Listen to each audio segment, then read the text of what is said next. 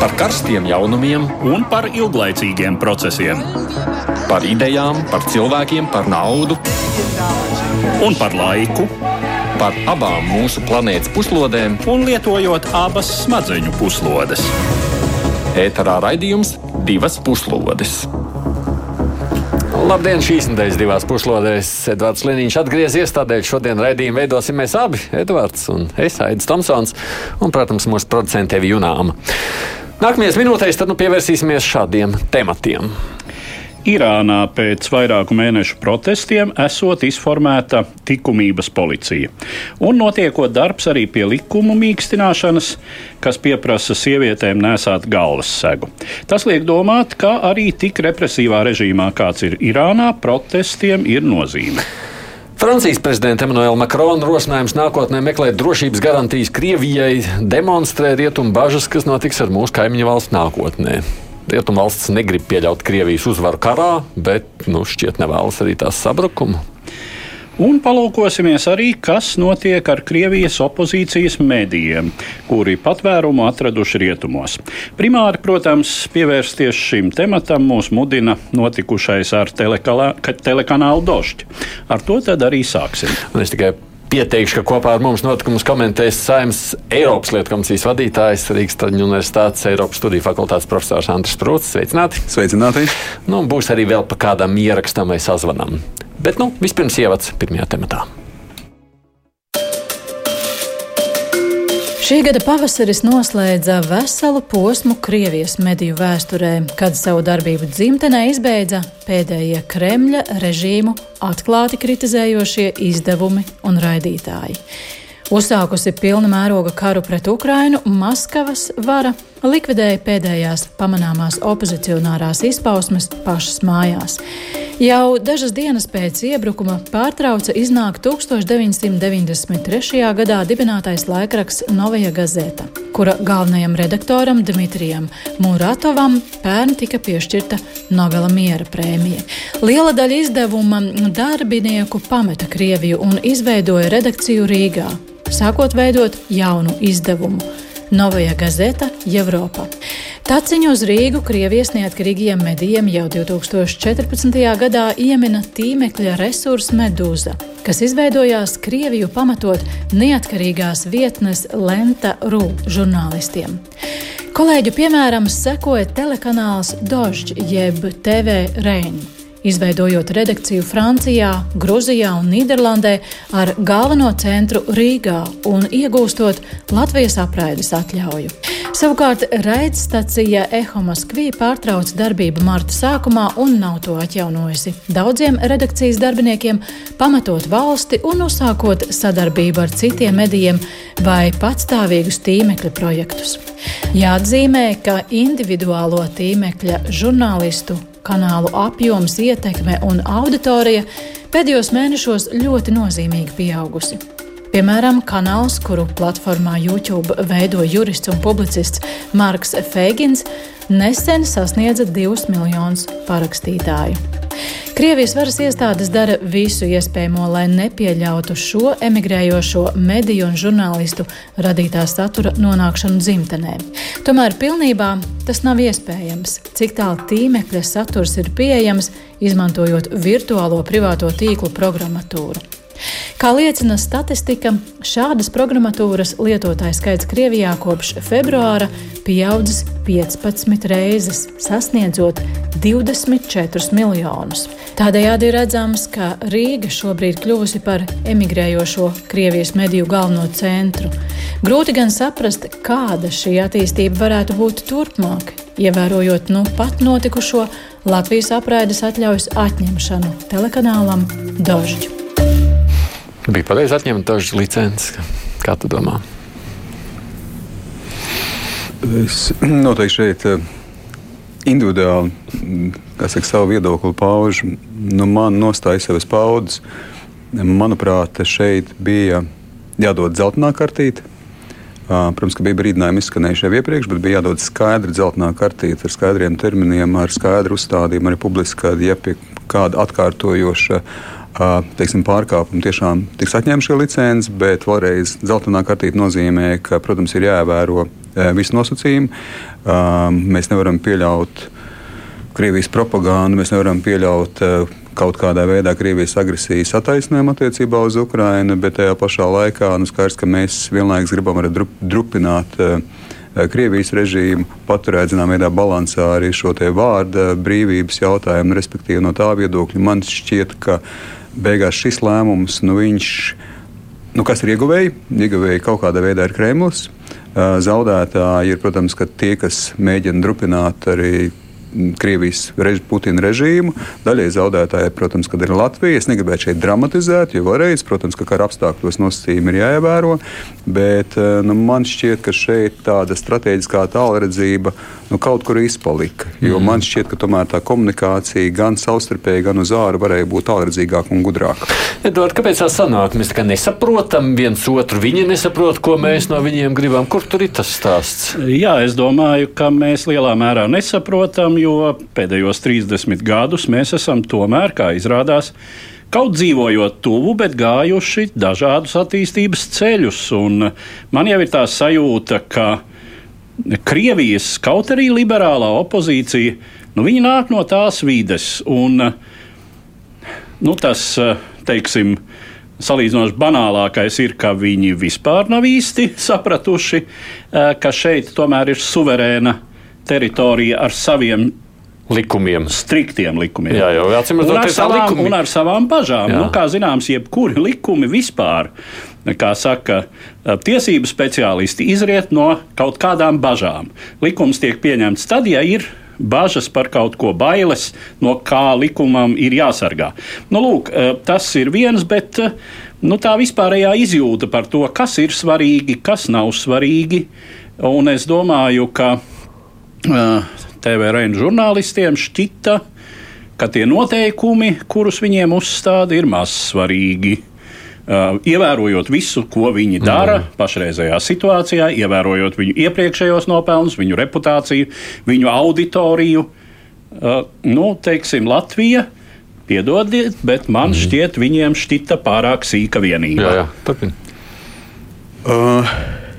Te noteikti, noteikti tas, ko Edvards saka, ļoti lielā mērā ir taisnība. Man šeit ir jāpiekrīt, un var jau tā arī uzskatīt, un var tā arī teikt par to, ka ne katrs eh, demokrāts Krievijā vai liberāls, ka viņš ir arī antiimperialists. Līdz ar to no vienas puses tu vari būt demokrāts un liberāls un tieši tā mhm. iestāties pret Putina režīmu, bet nu, tas lielvalstiskuma es, tā DNS, nu, viņš jau ir klātesošs arī liberāli demokrātiskajās aprindās, tā skaitā mhm. arī žurnālistu aprindās. Bet es būtu tomēr no otras puses arī uzmanīgs to viņi likt vienā kastē. Jo faktiski mums Latvijā ir aptuveni 200, vai vismaz mēs runājam par vairākiem simtiem žurnālisti, kas ir saistīti vai nākuši no Krievijas, vai saistīti ar principā Krievijas tematiku. Te ir gan eh, BBC, Krievu eh, teiksim, tā, raidījums, te ir gan Deutsche Welle, te ir gan tas, kas tika pieminēts ļoti labi ar Sižetā Medūzu, mm -hmm. Novē Gazeta, te ir arī, teiksim, Current Times, eh, kas arī šeit veido sižets. Tomēr tas spektrs ir pietiekoši plašs, un es būtu ļoti, ļoti uzmanīgs, lai mēs, teiksim, tā teikt, viņi visi, kas ir mhm. vienlaikus žurnālisti un arī opozicionāri, ka viņi visi ir arī imperiālisti. Bet es par viņiem visiem pāriem runāju. Protams, elements jā. šeit varbūt dožu gadījumā, nu kaut kur viņš nu, spiedās, dožģi, spiedās ārā. Jā, ir tas īlēns, kas izlīda no maisa. Jo citur mēs to nepamanām. Nu, tā, ne? Dožģi ir salīdzinoši vissarežģītākajā situācijā, jo tiešām tas ir arī ļoti eh, smags un salīdzinoši grūti pielāgojams formāts, visa tehnoloģija. Daļa no šīm nelaimēm nāca no eh, tā, ka nu, viņi Eh, viņiem bija sarežģīti tehniski pielāgot, eh, un kaut kas arī varbūt aizmirsās. Nu, piemēram, tā pati nelaimīgā karte ar eh, Krīmu Krievijas sastāvā. Nu, viņiem bija šāds foniņš, tad, kad viņi strādāja Krievijā, nu, piedodiet, nepaspējām nomainīt. Mm -hmm. ja? Kas drukātā medijā? Visdrīzāk, vai tīmekļa medijā, nu, tekstuālā problēma, medijā, jā. ir daudz vieglāk noķerams, novēršams. Uh, nu, un tiešais ēters. Uh, es teiktu, ka, jā, ka Dožģa vienkārši daļēji uh, iekrita savas nevērības dēļ pret detaļām. Daļēji tas bija nelaimīgs liktenis arī. Nu, un, eh, protams, viņu vaina, nevērība, tā, tā ir viņu lielākā, manuprāt, vaina šajā brīdī. Es neticu, ka tur apakšā ir kaut kas patiešām noziedzīgs, ka tur tiešām ir kaut kāda naudas vākšana Krievijas armijas karavīriem vai kaut kas tāds, tam man būtu grūti noticēt. Ja viņi būtu iespējams kādā citā valstī, Francijā, Polijā, es nezinu, mēģinu uzminēt, iespējams tā nepievērst tam uzmanību. Reiz Latvijā mēs kaut kā ļoti, nu, paši viskrieviski saprotam, sakojam uzmanīgs līdzi. Visam. Jā, noteikti mēs esam daudz jūtīgāk un pamatot Jā. jūtīgāk gan tajā tiesiskajā ziņā, gan tīri ar tādā uztveres ziņā, tā kā absolūti šeit ir taisnība. Protams, ka vēl jā jāatcerās viens, es pilnīgi piekritīšu tam, ka noteikti ir šeit ir tāds Varbūt ir liels nācijas nevērības elementi, ka nu, tas jau ka, nu, jā, jā, ka, ka, ka mēs pievēršam uzmanību, tur varbūt šeit tam tik daudz nepievērš uzmanību, nu, tie ir tādi sīkumi. Lai gan principā var jau teikt, ka pat redakcija tomēr zināmā veidā norieģēja un arī šo konkrēto cilvēku mēs sākotnēji atlaida. Tagad viņi gatavi tagad viņiem atpakaļ. Es, es, es vēl pabeigšu tomēr vēl, vēl, vēl vienu aspektu, kas tomēr ir jāpaturprātā, un tur atkal nu, tur ir tā kritiskā sadaļa.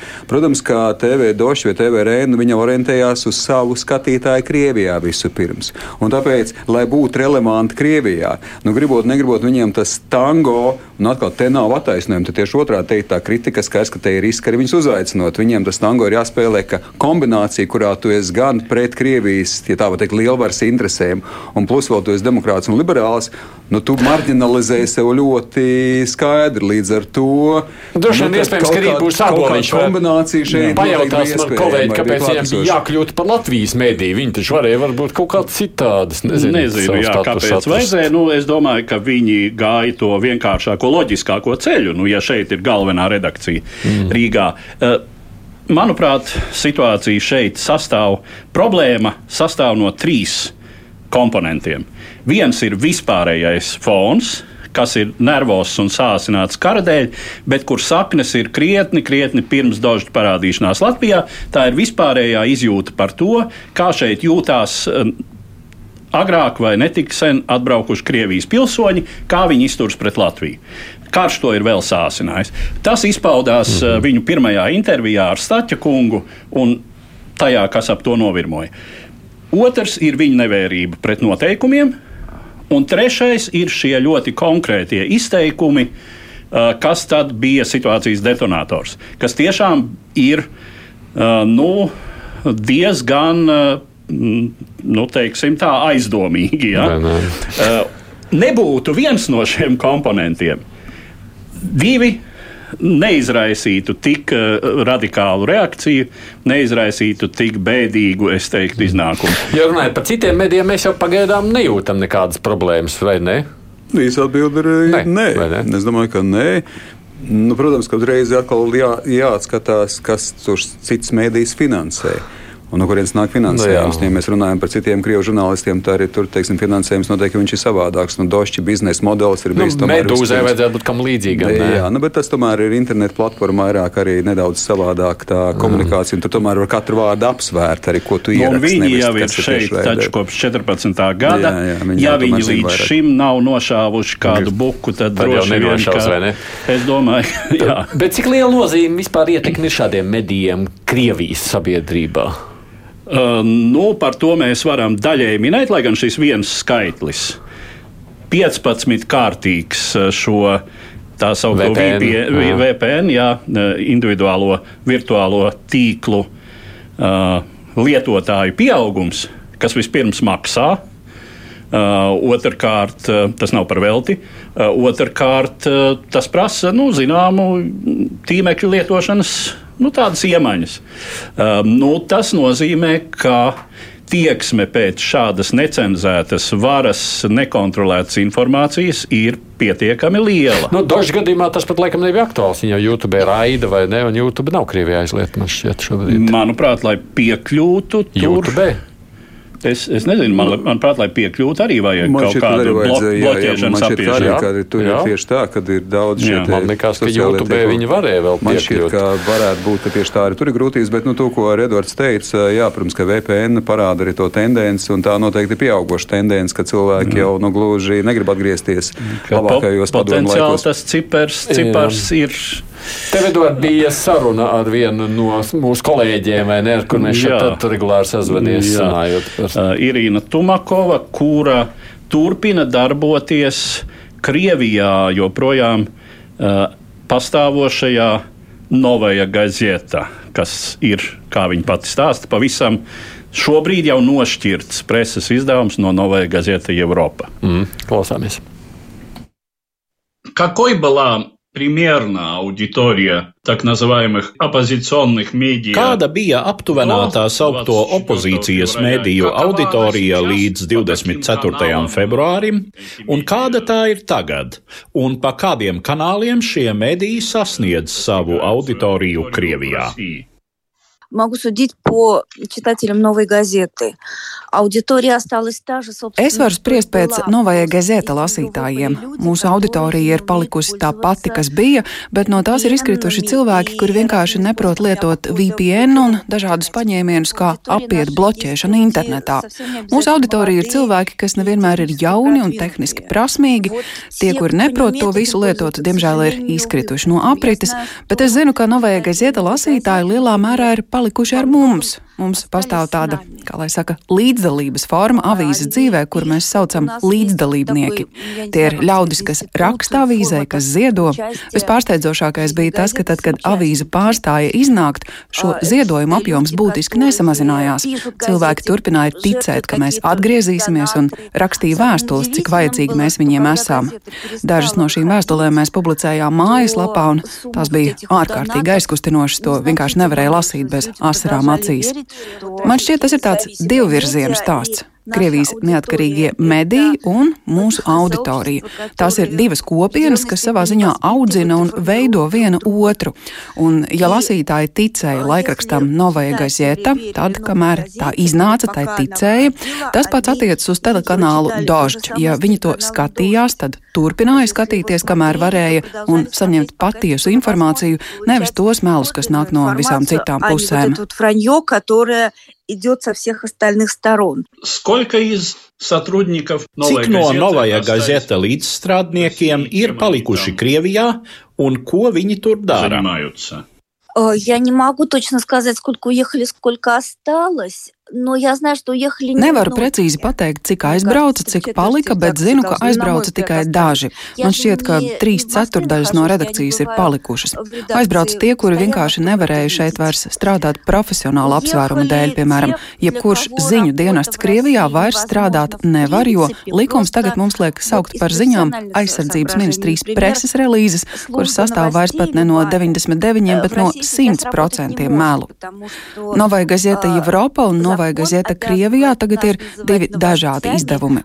Daži var sadarboties kā ar vienu tā otru, bet tās ir divas dažādas avīzes, kuras vieno, kā mēs sakām, kopīgs DNS. Krievijas Novai Gazeta vēl līdz 1. decembrim principā varēja, neskarot kara darbības tēmu, rakstīt, ko ļaudis pārdzīvo mobilizācijas laikā, kādas ir viņu ekonomiskās grūtības kara dēļ. 1. decembrī iznāca federālā drošības dienesta pavēle, saskaņā ar kuru viss tas kļūst pirmajā etapā bīstami, otrajā krimināli sodāmi. Tāpēc es nesevišķi saprotu, kā mēs strādāsim turpmāk, bet kaut kā jau strādāsim. To, ka mūsu lasītāji joprojām saņems ticamu informāciju kaut kādā formā, tā ziņā es par saviem kolēģiem varu galvot. Kā mēs to darīsim, redzēsim. Как мы это будем делать, посмотрим. Kāda ir šo mediju ietekme uz Krievu auditoriju ārpus Krievijas?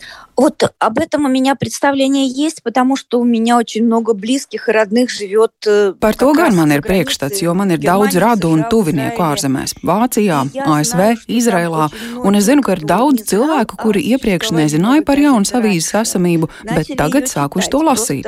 Un ir sākuši rakstīt kādi līdz šim nepazīstami cilvēki, parādījušies jauni paziņas. Māte man stāsta, ka viņai vieni vai otri ir kaut ko teikuši. Māsa stāsta, ka pat viņas vācu draugi ir lūguši iztulkot dažus Novai Gazeta tekstus, par kuriem bija kaut kur dzirdējuši. Nu, tas lūk par Novigazētu. Pabeidzot tikai visu šo tematiku, runājot vispār par krievu žurnālistiem šeit un droši vien īpaši par Dožģu, nu, mēs redzam arī tie pārējie mediji. Medija, man liekas, Medūza šodien izplatīja aicinājumu paziņojumu ar atbalstu Dožģam un aicinājumu tur vākt atbalstīt īpaši savus kolēģus. Un es pieļauju, ka to varētu arī vēl kādi darīt. Kā tas viss beigsies? Tas ir tā, ka viņi vienkārši atradīs kādu citu vietu, kurā valstī var mierīgāk pēc citiem noteikumiem strādāt. Tad, es domāju, ka te ir divas, divas daļas. Viena daļa. Zināms, turpinājums būs arī Latvijā, vai var būt turpinājums Latvijā. Es neizslēdzu, ka šeit var būt arī tiesvedība. Nu administratīvajā tiesā. Mm -hmm. Tā kā visticamāk, to arī izies. Tā kā es domāju, ka nu, mēs vēl reflektēsim vai diskutēsim par šīm lietām tieši vai netieši. Un, protams, šis jautājums jau ir plašāks. Ja beig beigās tieši tā Rīga kā vieta, kas ir bijusi gatava uzņemt šos krievu opozicionāro žurnālistus, un tas jautājums viņš nav noņemts. Viņš ir tikai tādā starposmā šobrīd. Bet nu, noteikti jau mehānismi ir, un tas, kas tika pieminēts arī, ka, protams, kad ir jau pārstāvniecības dažiem arī citur, tā kā es neizslēdzu, ka tas jau nav tā, ka Rīga ir vienīgā vieta. Bet nu, Rīgai bija savs, savs komforts, savs elements, un noteikti ieguvēji ir bijuši. Tas kaut kaut kādam brīdim viss, bet nu, mēs esam ātri apzinājušies, ka šis tango ir pietiekoši sarežģīts. Jā. Nu jā, tas, protams, man arī bija ļoti priecējoši, kad uh, vasarā, pavasarī, vasarā uh, šie opozīcijas izdevumi pārcēlās tieši šurp un te veidojās tāds uh, opozicionārās Krievijas preses centrs. Bet varu tikai piekrist, nu, tās pieslīpēšanās prasa. Nu, es, es pieļauju, ka, jā, ka šajā brīdī es arī līdzīgi kā Sprūda kungs teiktu, ka dzeltenā kartīte nevis sarkanā. Bet es saprotu arī mm, Nacionālo elektronisko plašsaziņas līdzekļu padomi, jo šajā gadījumā jau tas būtu, ka padome uzņemas atbildību. zinām atbildību par mm -hmm. to, ka nekas slikts nākotnē nenotiks. Un esošajā politiskajā situācijā ņemsim vērā arī vēl joprojām topošās valdības veidošanās procesu, kad politiskie spēki cenšas izvairīties no jebkādiem iespējamiem procesu destabilizējošiem faktoriem. Nu, ir tā, nu iznācis kā ir. Jā. Paldies arī tiem klausītājiem, kas te dažādas viedokļus saka, jo es redzu, arī tie joprojām mums nāk. Vienīgais, turpinot tagad ne par medijiem, bet par Krieviju un Rietumu šo attiecībām, skatoties plašāk, nu, kā jau te ievadās acījām, liekas tā vien, ka rietumos bažas, ko tad Krievijai pašai tas uzsāktais karš atnesīs, un mēs pievēršamies tagad šim tematam. Pagājušajā nedēļā Francijas prezidents Emmanuels Macrons oficiālā valsts vizītē apmeklēja Savienotās valstis. Vizītes laikā sniedzot interviju Francijas telekanālam TF1, Makrons izteicās par nākotnes Eiropas drošības arhitektūru un paziņoja: Viens no būtiskiem jautājumiem, kas mums jārisina, kā to vienmēr ir teicis prezidents Putins, ir Krievijas bažas par NATO pietuvošanos tās slieksnim un tādu ieroču izvietošanu, kas varētu apdraudēt Krieviju. Šī būs viena no tēmām miera sakarā, tāpēc mums jāsagatavo tas, ko esam gatavi darīt, lai aizsargātu savus sabiedrotos un dalību valstis, un kā garantijas Krievijai dienā, kad tā atgriezīsies pie sarunu galda. Citāta beigas. Pieļāvums par drošības garantijām Kremlim liek atcerēties Francijas līdera nesekmīgos diplomātiskos centienus pirms Krievijas plaša mēroga iebrukuma Ukrainā šī gada februārī un šī prezidenta Makrona pozīcija jau izpelnījusies asu kritiku no Ukrainas un tās sabiedroto puses. Kā norādījis Ukrainas prezidenta padomnieks Mihailo Podoļaks, ir jādomā nevis par kādām garantijām Krievijai, bet gan par garantijām pārējai pasaulē pret postputiniskās Krievijas barbariskajām tieksmēm. Lietuvas ārlietu ministrs Gabrieļus Landsbergis raksturojas kā toksisku uzstādījumu, ka pašreizējo karu varētu beigt nevis ar Ukrainas pilnīgu uzvaru, bet gan vienojoties ar Krieviju. Viņš izteicies, ka nākotnes drošības arhitektūra jābūvē kopā ar Ukrainu, nevis ar Kremļa režīmu. Pasaules mediji plaši citē arī Latvijas aizsardzības ministra Arta Pabrika teikto intervijā izdevumam Financial Times, ka ideja par rietumu drošības garantijām Krievijai nozīmē iekrišanu Putina vēstījuma slazdā, padarot Ukrainu un rietumus atbildīgus par šī kara izcelšanos. Prezidenta Makrona vizītes laikā par iespējamām sarunām ar Krieviju izteicies arī Savienoto valstu prezidents Džo Baidens, sakot, ka būtu tām gatavs, ja manītu Krievijas līdera vēlmi izbeigt karu kas gan pašreiz nesot manāma. Kā zināms, agrāk rietumvalstu līderi vairāk kārt deklarējuši, ka neuzsāks sarunas ar Krieviju par kara izbeigšanu bez Ukrainas piekrišanas. Savukārt Ukrainas vadība nav atsaukusi savu agrāk deklarēto kategorisko atteikšanos no jebkādām sarunām ar pašreizējo Krievijas līderi. Nu, šie Francijas prezidenta Makrona izteikumi un visas tās sarunas par to, kas tad notiks, frāzes par to, kas notiks uh, pēc kara. Tā kā liek domāt, ka rietumiem ir bažas par to, kas notiks ar Krieviju. Ja? Kā tas tagad, tad, kad karš beigsies? Es domāju, ka bažas par Krieviju ir visu laiku jautājums, no, kā ar šīm bažām tiek. Uh, galā un vaļā, ja tā var teikt. Nu, skaidrs, ka šobrīd nu, domāju, tā kopīgā nostāja ir tāda, ka varēja runāt par kaut kādiem garantiju modeļiem, risinājumiem attiecībā uz iesaistītām pusēm pirms 24. februāra. Nu, man šķiet, ka šobrīd, eh, un tas jau šeit ir parādījās, nu, tas absolūtais vairākums. Uh, ir pārliecināti par to, ka nu, tieši tā precīzi garantijas ir jāsniedz Ukraiņai, garantijas jāsniedz pret Krieviju. Jā, kāpēc Makrons tā runā? Nu, Makrons runā noteikti divu iemeslu dēļ, vai noteikti varētu būt to papildus klāt pielikt, tāpēc ka katrs karš tomēr kādā brīdī beidzās ar ar kaut kādu diplomātsko risinājumu. Piskara beidzās ar vienu no otru risinājumu. Protams, ka ja mēs varam cerēt un domāt un strādāt, lai šeit būtu Krievijas bezieruna kapitulācija, bet no otras puses nu, skaidrs, ka apzināmies arī šīs iespējamības, šī scenārija ierobežoto raksturu, ja tā var teikt. Līdz ar to, protams, ka vienā vai otrā formā nu, kaut, kād, kaut kādu modeļu agri vai vēlu iespējams šeit tiks meklēt. Cits jautājums ir nu, atkal nu, personīgi man nostāja, un es domāju, tas ir lielākais vairākums Eiropas valsts nostāja. Tas tas, ko arī Ukraina ir teikusi, nu, pirmkārt, bez Ukrainas nekādi mm, līgumi nevar tikt slēgti. Un punkts numur divi, nu šobrīd tas faktiski ir neiespējams, nu, var teikt, ar kādu noziedznieku Putinu. Putins ir.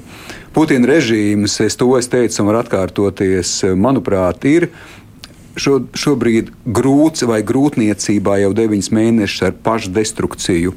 Skaidrs, ka tas var ievilkties uz kādu laiku. Tas noteikti nenotiks deviņu mēnešu laikā tas nav noticis un iespējams tas vēl ievilksies. Bet kopumā es domāju, ka Putina režīmām ir milzīgi izaicinājumi un to nenoliedzam. Var saskatīt kā pietiekoši ticam scenāriju, ka tās sarunas agri vai vēl tiks vestas tieši tā pēc Putina ar postu Putina jau teiksim, tā, uh, valdošo. Nu jā, varu elites, kas tur būs kā, mēs to brīdī Maskavā, Kremlī. Bet skaties, redz, Eduard, no, no otras puses, tad Makrons ir tāds Nu, viņš tagad cer, ka varbūt tomēr izdotos, vai ne, tur kaut kādu pīrāgu iedot Putinam, lai viņš. Tā ir, nu, es domāju, arī lielā mērā tāda politiskās domāšanas inerce. Eh, kas nav tikai Makrona inerce, tā ir zināmā mērā Francijas līderu tāda tradīcija mēģināt sarunāt ar Putinu. Mēs atceramies, teiksim, Sarkozī lomu uh, savā laikā. Uh, kad Krievija īstenoja agresiju pret Grūziju un mēģinājumu kaut kā arī izbalansēt šo situāciju. Bet varbūt tā ir tāda misijas sajūta, ka jāpalīdz Jā, tu... Krievijai atrast atkāpšanās uh, ceļu. Nu, tad skatoties pavisam tālu pagātnē, tās ir vēsturiskas simpātijas starp Franciju un Krieviju, kas ir pastāvējušas um, nu, vismaz, vismaz 150, nu jau vairāk gadus kopš Krīmas kara, uh, un mazliet pēc tam uh, šīs valstis kaut kā. Uh, pamatā Vācijas dēļ, ja, mm -hmm. kas bija ienaidniece potenciāli kā vienai tā, tā otrai valstī, ir tuvinājušās, un tā tās ir vairāk vai mazāk palikušas. Nu, atcerēsimies kaut vai Šarla de Golla mm -hmm. tādus arī pārprotamos izteikumus par Eiropu no Atlantijas līdz Klusajam okeānam, par Galu galā 20. gadsimta vēsturē daudz piekrīt, Edvards. Jā, nu, saka, jā, jā, paturpinot to, kas tik, tikko teikts, arī es domāju, ka tieši tā šeit varam runāt arī par Francijas misiju. Un Francijas misija nav gluži uh, Krievijas kaut kāda iekļaušana. Francijas misija vispirms ir Francija. Un Francijas interešu ievērošana, mm -hmm. to, kā mhm. Francija sevi pozicionējas. Un viena tradīcija ir atšķiršanās tradīcija. Mēs esam atšķirīgi, mēs uzņemamies iniciatīvu. Un te jau uzreiz mēs esam dzirdējuši, pat Vācija šajā gadījumā ir kritizējusi Makrona izteikumus, bet tas Makronam, nu, tas viņš ir atšķīries pietiekoši daudz reizes, un Francija kopumā, teiksim, ir atšķīrusies. Otrs, protams, ka jāatcerās, ka šeit ir Francijas lielvalstiskuma arī zināmā veidā tradīcija. Francija ir vienīgā kodola lielvara Eiropas Savienībā šobrīd. Neviena cita valsts Eiropas Savienībā nav kodola lielvara. Un, protams, ka līdz ar to Francija arī kā drošības padomas pastāvīgā locekla, viena no lielā piecinieka, nu viņi, viņai ir cita misija arī šajā, mm. uz šīs zemes, vismaz pašiem priekš sevis. Un trešā tomēr nav jāaizmirst arī nu, kaut vai visu graudu kontekstā, ekonomikas kontekstā, pozicionēšanās kontekstā. Protams, ka Francija joprojām ir ar zinām postimpērisko arī klātbūtni elementai skaitā uzsvērt īpaši, kas attiecās uz Ziemeļāfriku, zināmā veidā atbildība arī par vidusjūras, ja tā var teikt, pozīcijām un integrācija kaut kādā, teiksim, arī viņas pozīcijā un Eiropas pozīcijā. Tad, to, protams, kā arī šeit nu, tiek ņemts vērā arī Francijas globālās intereses un arī globālā saspēle ar saviem partneriem, ja tā var teikt, -hmm. jau ar pietiekoši ilgstošu vēsturi. Bet ne tikai par Franciju, domājot par vispār Ukraiņas atbalstītājiem. Viņiem ir jau šobrīd jādomā par to, kas notiks ar Krieviju pēc kara. Nu, viņiem bija par to jādomā jau sen, un es domāju, arī tas tiek domāts. Vienkārši 24. februāris visu šo ir padarījis.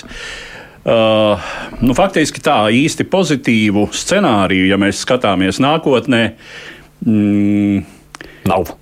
Nu, teiks, es teiktu, ka tā ir politikā tikai slikts vai vēl sliktāks. Nē, nu, uh, Ir, protams, uh, rožainie scenāriji, kas paredzētu kaut kādu Krievijas demokratizēšanos. Bet arī tas, ja mēs tā domājam, nu, kā piemēram gāja ar Vāciju pēc otrā pasaules kara, un kā Vācija tika līdz savai patiešām šobrīd uh, valstiskās atbildības, vēsturiskās atbildības izjūtai, um, tad. Uh, tās būs desmit gadus. Arī vispozitīvākie scenāriji, tās būs desmit gadus, bet eh, ir diemžēl. Diemžēl ir ticamāki negatīvie scenāriji. Nu, redz, un šo visu ņemot vērā, acīm redzot, tad pārējās rietumu valsts, nu, visi tie izteikumi par sarunām, pārējā, nu, jārēķina šī kontekstā, viņi meklē, nu, nu kā pēc iespējas mazāk sāpīgi. Tā ir taustīšanās, pabeigt, jā. tā ir taustīšanās, tās ir pastāvīgas bāžas, jo Uh, nu, labi, uh, izskan nereāli scenāriji. Manuprāt, nav reāls scenārijs, ka Krievija sabrūk 30 uh, sastāvdaļās, un katrā no šīm sastāvdaļām ir kodolieroči. Ja? Nu, kas ir teiksim, nu, tāds no, vis, visbiedējošākais, ko mēs atceramies, kā tas bija pirms, kad, kad bruka Padomju Savienība. Tad bija ļoti liels uztraukums, ka Baltkrievijai un Ukrainai varētu palikt kodolārsenāli. Mm -hmm. Un darīja visu, lai tas nenotiktu. Tad bija šis Budapestas memorands, Ukrainas atteikšanās no kodolarsenāla, nu, un mēs zinām, ar ko tas viss ir rezultējies. Jā, Andri. es tikai piebildīšu, ka, protams, mēs varam koncentrēties, un tas, nav, tas absolūti ir nozīmīgi. Tas nav nenozīmīgi arī uz to, kā mēs veidojam attiecības potenciāli ar post-Putina režīmu sistēmu. Cerams, ka tas nebūs vairs režīms, bet nebūsim arī naivi. Ne? Kā jau ir šis teiciens, ka Krievijā viss var mainīties ik pēc 20 gadiem, bet nekas nemainās 200 gadu griezumā. Nu, Krievijā tās tendences, viņām arī spēcīgas tradīcijas, tāpat kā citās lielajās valstīs ar tradīcijām. Bet tas, kas man šķiet ļoti svarīgi, man neaizmirsīsim, ka attiecības šajā visā situācijā gan ar Krieviju, gan kopumā viņas jau veidojas ne tikai to, ko mēs sakām, kāds tur varētu būt tās, tā miedarbība, diplomātiskā vai nediplomātiskā Krievija, bet vispirms, mēs, kā mēs palīdzam Ukrainai, kā mēs uzturam šo nu, solidaritāti palīdzībā ar Ukrainu, un punkts numur divi, kā mēs izdarām savus mājas darbus. Jo pilnīgi skaidrs, ka arī potenciāli uz jebkādām sarunām ar jebkādu režīmu, post postputina režīmu. Skaidrs, ka mums jābūt daudz imūnākiem nekā tas bija mm, šobrīd, nu, vispirms enerģētikas un enerģētiskās neatkarības jomā. Nu, Bet ne tikai. Varbūt, ne tikai. Jā, runājot par tiem beidīgiem scenārijiem un pabeidzot šo tēmu, to es sacītu, varbūt tā Krievijas sadalīšanās ir tas labākais, optimistiskākais scenārijs. Nu, diez vai, jo tas arī ir jautājums, tad kā, kā varētu, kas tad tur varētu iznākt. Un nu, patiešām, nu, nu, tad mēs iegūtu tiešām vairākus desmitus valstu, kurām tāpat nav demokrātisko tradīciju, kuras tāpat būtu tendētas uz uh, totalitāriem, uh, autoritāriem uh, režīmiem. Jā, Dažas saka. varbūt mēģināt veidot kaut kādas vispār uh, klerikāli, uh, fašistiskas, uh, piemēram, uh, mierīga, mierīgi varam iztēloties Ziemeļkaukāza halifātu. Eh, kalifātu ar, ar Kadīrovu Kadīro priekšgalā. Nu, kaut gan Dienvidslāvijas sabrukšana te daudz vēl gribētu ieraudzīt kā piemēru. Nu, labi, tu gribēji vēl ko teikt? Jā, es tikai mazu akadēmisko tādu piezīmi par to, ka pirms desmit gadiem Džordžs Friedmans sarakstīja mm -hmm. grāmatu par, ne, par nākošiem simts gadiem. Interesanti, teiksim, tādu skatījumu. Viņš faktiski paredzēja to, ka, ka būs, ka būs Krie, Krievijas iebrukums Ukrainā tieši ap šo laiku, ka būs kopumā spiediens uz postpadomu telpu lielā mērā ar agresijas teiksim, izpausmē. Viņš arī runā par Krievijas sadalīšanos. Bet, lai būtu uzreiz skaidrs, nu visu cieņu Džordžam Friedmanam, kurš jau teiksim, pirms vairāk nekā desmit gadiem paredzēja faktiski to scenāriju, kas šobrīd piepildās. Nu, par šo Krievijas sadalīšanos scenāriju viss var notikt. Mēs nevaram izslēgt dažādas scenārijas, bet manuprāt, tas ir vismazāk ticamais. Nu, kopumā tomēr Krievija, lai kā arī nebūtu, protams, ir šīs nacionālās, ja tā var teikt, daļas no Krievijas ir atkritušas laika gaitā un ir ieguvušas savu neatkarību, ieskaitot arī kā mēs. Bet, eh, teiksim, tomēr tas Krievijas kodols, nu, viņš jau to savu kodolību ir saglabājis. Un es šeit šo scenāriju par to, ka šī pašdestrukcija, Putina režīma, šī grūtniecība ar pašdestrukciju novedīs pie Krievijas sadalīšanos, nu, es tomēr uzskatītu, ka tas ir masticams. Nu, labi, ir vēl viens temats, kam ļoti gribējām arī atrast šodien laiku. Es nezinu, vai Irāna varētu saukt par vienu no Krievijas Krievijas sabiedrotajiem, bet nu, Jā, domāju, turienes protesti, tā notikumu gaita liek atkal atgriezties arī pie situācijas tur, tāpēc turpinājums jums ir ierakstu. Pēdējās dienās parādījušies signāli par iespējamu Irānas teokrātiskā režīma piekāpšanos mēnešiem ilgstošiem sabiedrības protestiem. Pirmkārt, šai sakarā minami Islāma Republikas ģenerālprokurora izteikumi pagājušajā sestdienā par to, ka tiek likvidētas tā saucamās pamācības patruļas jeb likumības policija, kā arī parlamentam būtu jāpārskata striktās normas par sieviešu galvas lakata jeb hijāba valkāšanu. Likumības policija, kā zināms, ir atbildīga par 22 gadus vecās Maksas Amini nāvi septembra vidū. Viņas nāve kļuva par detonatoru protestiem, kuri nerimst joprojām. Sieviešu atteikšanās valkāt hijābu kļuva par protesta vadmotīvu, taču prasībām atteikties no striktajām ģērbšanās normām jau drīz pievienojās aicinājumi uz radikālām izmaiņām valsts sistēmā. Pēc pašreizējās statistikas protestos dzīvību zaudējuši nemazāk par 450 cilvēkiem. Tā skaitā apmēram 60 nepilngadīgo, vairāk nekā 18 tūkstoši protestējošo ir arestēti. Vai ģenerāla prokurora Montazeri izteikumi tiešām iezīmē plaisas teokrātiskā režīma varas monolītā, pagaidām grūti spriest. Likumības policija nav ģenerāla prokuratūras, bet gan iekšlietu ministrijas pakļautībā, un citas Irānas amatpersonas līdz šim izvairījušās apstiprināt ziņu par tās likvidēšanu.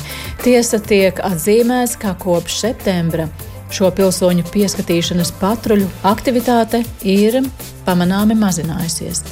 Tomēr daudz novērotāju un arī protestu dalībnieki pauž viedokli, ka protestu kustība ir izvērtusies pārāk plaša, lai režīms to spētu noklusināt ar šādu piekāpšanos. Britu raidsabiedrība BBC citē kādu protestu dalībnieci sakām: Mēs, protestētājas, vairs nedomājam par hijābu.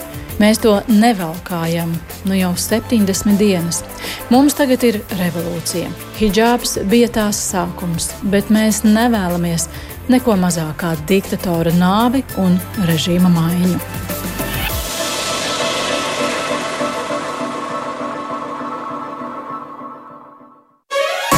Divas puslodes. Atgādinu, kopā ar mums studijā arī Saimnes Eiropas lietu komisijas vadītājs RSU profesors Andris Prūts. Nu, vispār tie pēdējie izteikumi, es skatījos arī reportāžu televīzijā no Irānas, kur sievietes tiešām tagad daudz pa ielām staigājot bez galvassegas, un neviens viņas arī neaiztiek. Nu, faktiski tā ir tāda reakcija, Eduard, tā kā uz protestiem, kas ir bijusi no varas iestādēm. Nu, tā var spriest, jā, ka šos protestus neizdevās eh, ar varu noklusināt. Acīm redzot, eh, pārāk liela daļa sabiedrības, un cik var spriest no tiem komentāriem, tad arī sabiedrības daļa, ar kuras atbalstu režīms rēķinājās, uzskatot, ka, nu, teiksim, Eh, salīdzinoši vairāk ir to, kuri mm, ir gatavi piekrist, jo nu, tās ir islāma normas, mm. tā ir ierastā kārtība. Eh, tās ir vērtības. Mazliet ironiski tas skan, bet mēs zinām, ka nu, teiksim, uh, Ehm, ļoti daudzās sabiedrībās ir atbalsts tradicionālistiskiem, pārmaiņas noliedzošiem, nu, kur nu vēl ehm, Irānas sabiedrībā, kas ir bijusi šādi būvēta, kur savā laikā ar šādiem lozungiem, ar šādu ievirzi savukārt notika revolūcija, kas gāza uh, Irānas šahu toreiz, kurš bija tendēts uz nu, teiksim, tādu eiropeizētu uh, modeli sabiedrībā um, attiecībās, uzvedības normās un tam līdzīgi. Bija šī islāma revolūcija. Nu, Tagad iespējams šī valsts griežas kaut kur citur. Tā policija tiešām tur ir izformēta vai padzīta, nezinu. Kāds zinām? Nu, nu, drošas, for... drošas informācijas nav pagaidām. Drošas informācijas nav formāli ir paziņots, it kā. ka it kā ir. Skaidrs, ka Irānā mums ir ļoti grūti par to pārliecināties. pārliecināties. Bet, protams, varbūt norādot uz tādu zināmu paradoksu, kas ir ka kopumā jaunieši, kas bija audzināti no vairāk tādā modernā, pat kaut kur rietumnieciskā garā, šaha laikā, 60. un 70. gados, bija tie, kas izveidoja Islāma republiku. Faktiski tie jaunieši studenti realizēja revolūciju, Islāma revolūciju 1979. gadā. Mm. Savukārt tie jaunieši, kas ir auguši pēc Islāma revolūcijas, faktiski šobrīd iestājās uh, pret. Nu, skaidrs, ka tie arī lielā mērā parādās to, ka, nu, protams, kaut kādi, kaut kāda pielāgošanās jebkurai kaut cik gudrai varai, vismaz ar kaut kādu tālredzības elementu apveltītai, ir jāiet pretī. Un skaidrs, ka arī šī te, uh, morāles vai likumības policijas, vai vienalga, kā mēs viņu saucam, nu, tā būtu atcelšana nu, būtu diezgan dabiska pielāgošanās instruments. Nu, man ir jāsaka, un tā mana bāža ir tāda, ka mēs no vienas puses sakām, ka te jau jā, te ir tāda revolūcijas asni, bet nevar izslēgt, ka ar šo te žestu var arī pietikt, lai vismaz to kritisko masu apslāpētu. Nu, par to parunāsim. Mēs esam sazinājušies šobrīd arī politologu Kārlu Daugštu. Daugštkungs, halo! Sveicināti. Sveicināti. Kādām, nu, kā jūs uztverat tās ziņas, kas pienāk no Irānas? Nu, man liekas, ka Irāna pat labam atrodas pārējais posmā no tādas feodālas, teokrātiskas diktatūras uz moderno sabiedrību, jo faktiski jaunieši tā ir jaunu sieviešu, meiteņu faktiski ievadīta revolūcija, un sociālie tīkli kļūst par organizētāju šeit Irānā. Tas ir ļoti nopietnas pavērsiens vispār islāma pasaulē. Bet jūs tiešām domājat, ka tur būs tās pārmaiņas, ka tur būs pārmaiņas? Zināt, ir divi, divas iespējas, tomēr, manuprāt, pēc manām domām. Pirmā iespēja tā ir asiņaina sacelšanās apspiešana no revolucionāro sargu, un, un, tāds, un otrs Eģiptes variants. Tas ir militārs apvērsums, kurš tomēr nonāk, kur nonāk vara pie uh, bruņotajiem spēkiem un tiem revolucionārā korpusa. Tas arī ir iespējams. Un ko tas mainītu, un kas tad notiktu, un kas tad notiktu, ko tas, kā tas mainītu sabiedrību? Nu, pirmkārt, sabiedrību, protams, ir ļoti grūti mainīt, jo mainās pieeja vispār islāma normām. Uh, uh, šis hijabs bija paredzēts Korānā, un ir paredzēts Korānā, jo Muhameda sieva pra, Um, šī Muhameda sievām bija aizliegts rādīt kaklu un matus, un tāpēc arī pat labam ir šis hijaba protests, tā ir hijaba revolūcija, bet tā pašā laikā ir jāpasaka, ka tomēr sāk pievienoties vīrieši, un pat labam vispārējais streiks ir aptvēris un ieguvis sociālo nokrāsu, ne tikai teokrātiskās režīma apdraudējums, bet arī faktiski visas šīs stabilitātes apdraudējums eh, šajā reģionā un Irānā. Kas nozīmē, ka tā, tā, ka tā piekāpšanās, kur nu šķiet mums tikko minējām, demonstrētu Irānas vara, ka ar to nepietiks. Nē, es domāju, ka uh, pat labam vēl pilnīgi apstiprinājuma arī tam nav. Ģenerāla prokurora Mozarī paziņojums ir tikai vēl, nu, tāds nesevišķi apstiprināts. Viņš ir uh, interpretējams. Un, protams, ka pat labam sašķeltā arī ar to, ka ir izveidota šī basidžu palīga policija faktiski, kura sāk veikt arī savas darbības. Basidži tas ir kaut kas līdzīgs mūsu uh, vienkārši uh, arī mūsu teritoriālās aizsardzības kaut kādām vienībām, kuras, uh, tā sakot, izpilda, uh, izpilda norādījumus, ko veic vietējā vara. Tāpēc tur ir ļoti sarežģīti procesi. Tas nozīmē, ka visticamāk, ka šīs ziņas, kas pienāk no Irānas, nu, nekādas mierīgākas nebūs nākamajās nedēļās. Jā? Nē, es domāju, ka nebūs noteikti, jo ir iespējams arī vēl viens variants, bet tas ir tāds nu, ļoti sarežģīts variants. Man liekas, ka ir iespējams, ka novērst uzmanību no iekšējām problēmām režīms var pamēģināt arī šīs ārējo draudu apdraudējuma uh, mēģinājumu, jo savilkts ir karaspēks un notiek manevri pie Azerbaidžānas robežas, un Irāna ar Azerbaidžānu arī veids, veids manevrus pie Irānas robežām. Tā kā tādu, tā sakot, mēģinājumu. Un otrs tāds paradoks varbūt ir, ka tomēr griezās arī pie Krievijas militārajiem padomniekiem ar lūgumu palīdzēt organizēt lielu masu apslāpēšanu, protestu apslāpēšanu. Vai tā ir patiesība, ja tas ir feikts, to ir grūti pateikt, bet nu, tādas ziņas ir, ka Krievu ģenerāļi ir ieradušies, lai palīdzētu ar saviem padomiem masu protestu uh, tā sakot, noslāpēšanai. Mm. Paldies, es saku Kārlim, paldies uh, Kārlim Daugštam, politologam. Redzi, izskatās, ka nu, nekas jau nerimstās, vai ne? Tā, šobrīd tur tiešām tur izsludināts trīs dienas, man liekas, vispārējais streiks. Un, nu, labi, kā daļa nobijusies un nepiedalās, bet diezgan daudz tomēr piedalās tajā streikā. Tas veikali slēgtie ielās rāda, ka daudzi gatavi stāvēt pretī arī tagad. Jā, tā izskatās, un tiešām nerimstās, un tiešām šeit ir tā jauda spēcīga. Un noteikti arī vēl papildus, es varu pieminēt, kā cilvēks, kā politiķis, es novēlu, lai izdotos arī šīs, pie šīm izmaiņām nonākt. Mm. Jo skaidrs, ka cilvēki cīnās par savām tiesībām, par demokrātiju, par sekulāru sabiedrību, par to, ka šeit nav nodalījums, tas, nu, par ko teiksim, mums ļoti grūti to kaut kādā veidā akceptēt starp vīriešiem un sievietēm, nu, tāda izpausmē, kā tas notiek Irānā. Bet atkal, varbūt ar savu akadēmisko pieredzi, es tomēr drīkst, nu, es būtu piesardzīgs. Respektīvi, pirmām kārtām. Uh, ja mēs skatāmies uz islāma pasaules kopējo to demokratizēšanos procesu, nu tad šeit nu, tāda ļoti saules stara milzīgi mums nespīd virsū. Nu, tur viņš demokrātija nesauc, viņš teica, tur ir armijas apvērsums. Armijas apvērsums, bet jāatcerās, ka Mubarak jau nomainīja vienu, teiksim tā, pulkvedē ģenerāli nomainīja otrs pulkvedis vai ģenerālis. Respektīvi, un tur bija sekulārāka sabiedrība, un tur principā nu, atgriezās, ja tā pika atgriezās. Ja mēs skatāmies arābu pavasara kontekstā, nu, tā, kur no arābu, teiksim, valstīm ir tā veiksmes tās, nu, grūti ir ļoti atrast. Nu, varbūt Tunisija. kaut kādā veidā Tunisija, varbūt kaut kādā mērā Tunisija, bet kopumā jau jau nu, kaut kāda milzīga veiksmes stāsta tur nav. Un otrs, tas, ko arī Daugškungs, manuprāt, precīzi norādīja, nu, tas vienmēr ir diktatora vai autoritāra režīmu uh, rokas grāmatā izmantot ārējo mobilizāciju, ārējos konfliktus, lai mobilizētu. Un, protams, Irānā arī šī aplenkuma identitāte par to, ka tā ir šī sunītu pareizās islāma ticības bastions, kas tiek apdraudēts no ārā. Es domāju, ka tur vienmēr šis ir, ir ļoti spēcīga kārts. Protams, viena iespēja, es domāju, tas risks priekš režīmu ir tas, ka tas režīms kaut kādā veidā ir fiziski novecojošs. Šajā gadījumā garīgā līdera Hamēnija personā, jo kaut kādā brīdī ir jāsāk meklēt kaut kāds aizvietotājs.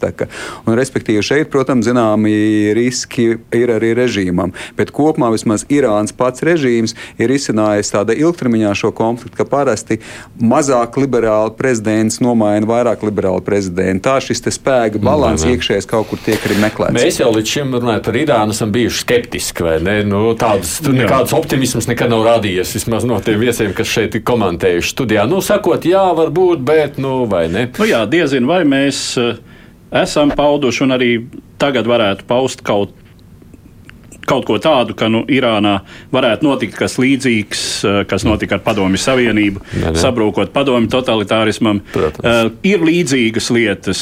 Sabiedrība ir mm, diezgan nožēlojamā ekonomiskajā situācijā, ir nepārprotama stagnācija ekonomiski, ir šī izolācija no pārējās pasaules. Uh, uh, ir uh, pie tam jā, brīvības trūkums. Bet nu, ir daudz kas, uh, daudz kas arī atšķirīgs, un primāri tas ir tas, ka nu, droši vien jau tomēr šis islāma vērtību, tradīciju nervs uh, sabiedrībā vēl ir pietiekami, nu, maigi izsakoties, Nē. pietiekami dzīves. Vienīgais, man liekas, mēs tajā reizē nu, nelikās, ka tas tik ļoti ieilgsies mm. un ka tas būs tik, nu, tā kā nešķiet, ka norimstās, bet tad drīzāk tā sajūta, ka viņš tā kā plešās ar vien tālāk, ar vien tālāk un nevar saprast, kur apstāsies. Jā, nu, Krievijas, ir... pieņemsim, karš Ukrainā arī šajā reizē Irānai nepalīdz. Iespējams, ka, nu, te pieminētā ģenerāļa ierašanās tur viņiem jau. Nu, jā, es nezinu, tā klausoties, vai Krievija Krievijas ģenerāļi var uh, Irānas uh, islāma revolūcijas sargiem, mm. Krievijas nacionālā gvārda kaut ko baigi iemācīt to, jaunu. jā. un nezinu, know-how tā sacīt, kā daudzīt cilvēkus ar runziņām, jo Irānā lieto daudz biežāk un brīvāk arī kaujas munīciju pret Die, demonstrantiem. Diemžēl gan to, ko var iemācīt, un tas, ka tiešām, kur varbūt ir jābūt nu, uzmanīgiem, jo skaidrs, ka jāatcerās caur hormūzes šaurumu.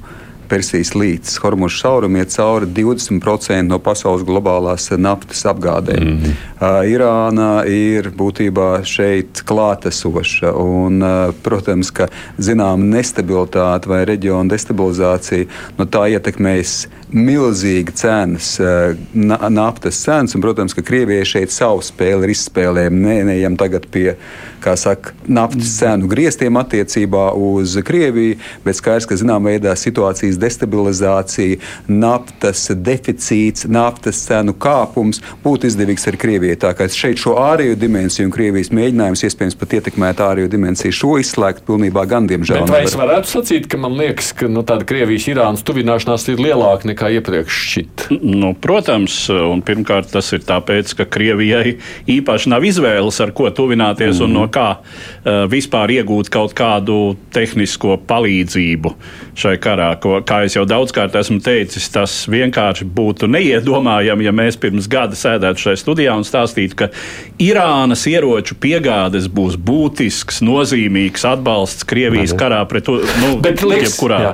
Bet liekas, versijā. ka viņam tomēr tā, mazliet tas, tas stāsts par balstiskām raķetēm vai ne, un droniem tā kā ir pieklusks. Nozīmē, varbūt tomēr Irāna arī noraustījās. Nu, es domāju, ka daļa Irāna ir, drīkst lietot vārdu, noraustījusies, jo skaidrs, ka nu, tomēr kaut kāda spēle ir jāizspēlē ne tikai ar Krieviju, bet arī ar citām valstīm. Un, eh, pat ja šīs citas valstis, ir īpaši rietumi, ir nu, kritisks par Irānu, lai gan arī, protams, ir vēl joprojām Eiropas valsts, kas cenšas joprojām šo kodolu programmu kaut kā mm -hmm. ierobežot, lai gan tur mēs arī redzam, ka faktiski šobrīd izskatās, ka 60% urāna bagātināšana ir notikusi, un tas vairs nav tā līdz 90% urāna bagātināšanai, kas nozīmē, ka ar Irānai var būt kodolieroči. Tas nozīmē, ka, protams, neaizmirsīsim to, ka skaidrs, ka Irānu un Krieviju kaut kur šeit ir sinerģija tajās šī brīža interesēs, bet Irānai nenoliedzami ir savas plašākas intereses, gan globāli, gan reģionāli, gan šobrīd, protams, arī tīri iekšēji. Nu jā, un piebildīsim savukārt, ka Savienotās valstis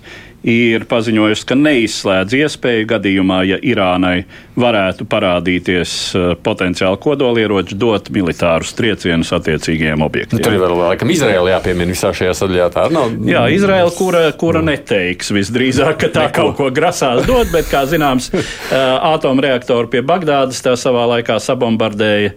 Uh, kad uzskatīja par vajadzīgu, domāju, ja, ja gribēs, ja uzskatīs par vajadzīgu, tad arī kādu objektu kaut kur pie Teherānas. Nu, kopsavilkums pilnīgi skaidrs. Neapšaubām mēs par Krieviju un Ukrainu daudz runāsim, bet izskatās, ka arī par Irānu šādi būsim spiest atgriezties. Savienoto draugu princips gan demokratizācijas ziņā, gan teiksim, šī te militāra bruņojuma ziņā, gan ģeopolitikas ziņā, gan ekonomikas ziņā absolūti savstarpēji šeit ir saistīti. Tā saka mums Saimnes Eiropas lietu komisijas vadītājs Rīgas Traģiņu universitātes Eiropas studiju fakultātes profesors Andris Prūts. Paldies par piedalīšanos raidījumā. Protams, te bijām arī mēs, Edvards Liniņš un Paldies. Tomsons producēja raidījumu Evi Junāma. Ēter laiks šoreiz ir beidzies. Mēs tiekamies pēc nedēļas, redzēs, kā tad notikumi būs mainījušies, kas būs nākamās aktualitātes. Es aicinu tiešām klausītājus, arī tie, kas mūs klausās, izmantojiet iespēju abonēt mūsu podkāstu platformās. Tad var klausīties ēti, tad, kad jums šis raidījums ir izdevīgs, vai arī, protams, aplikācija uz sadzirdēšanos.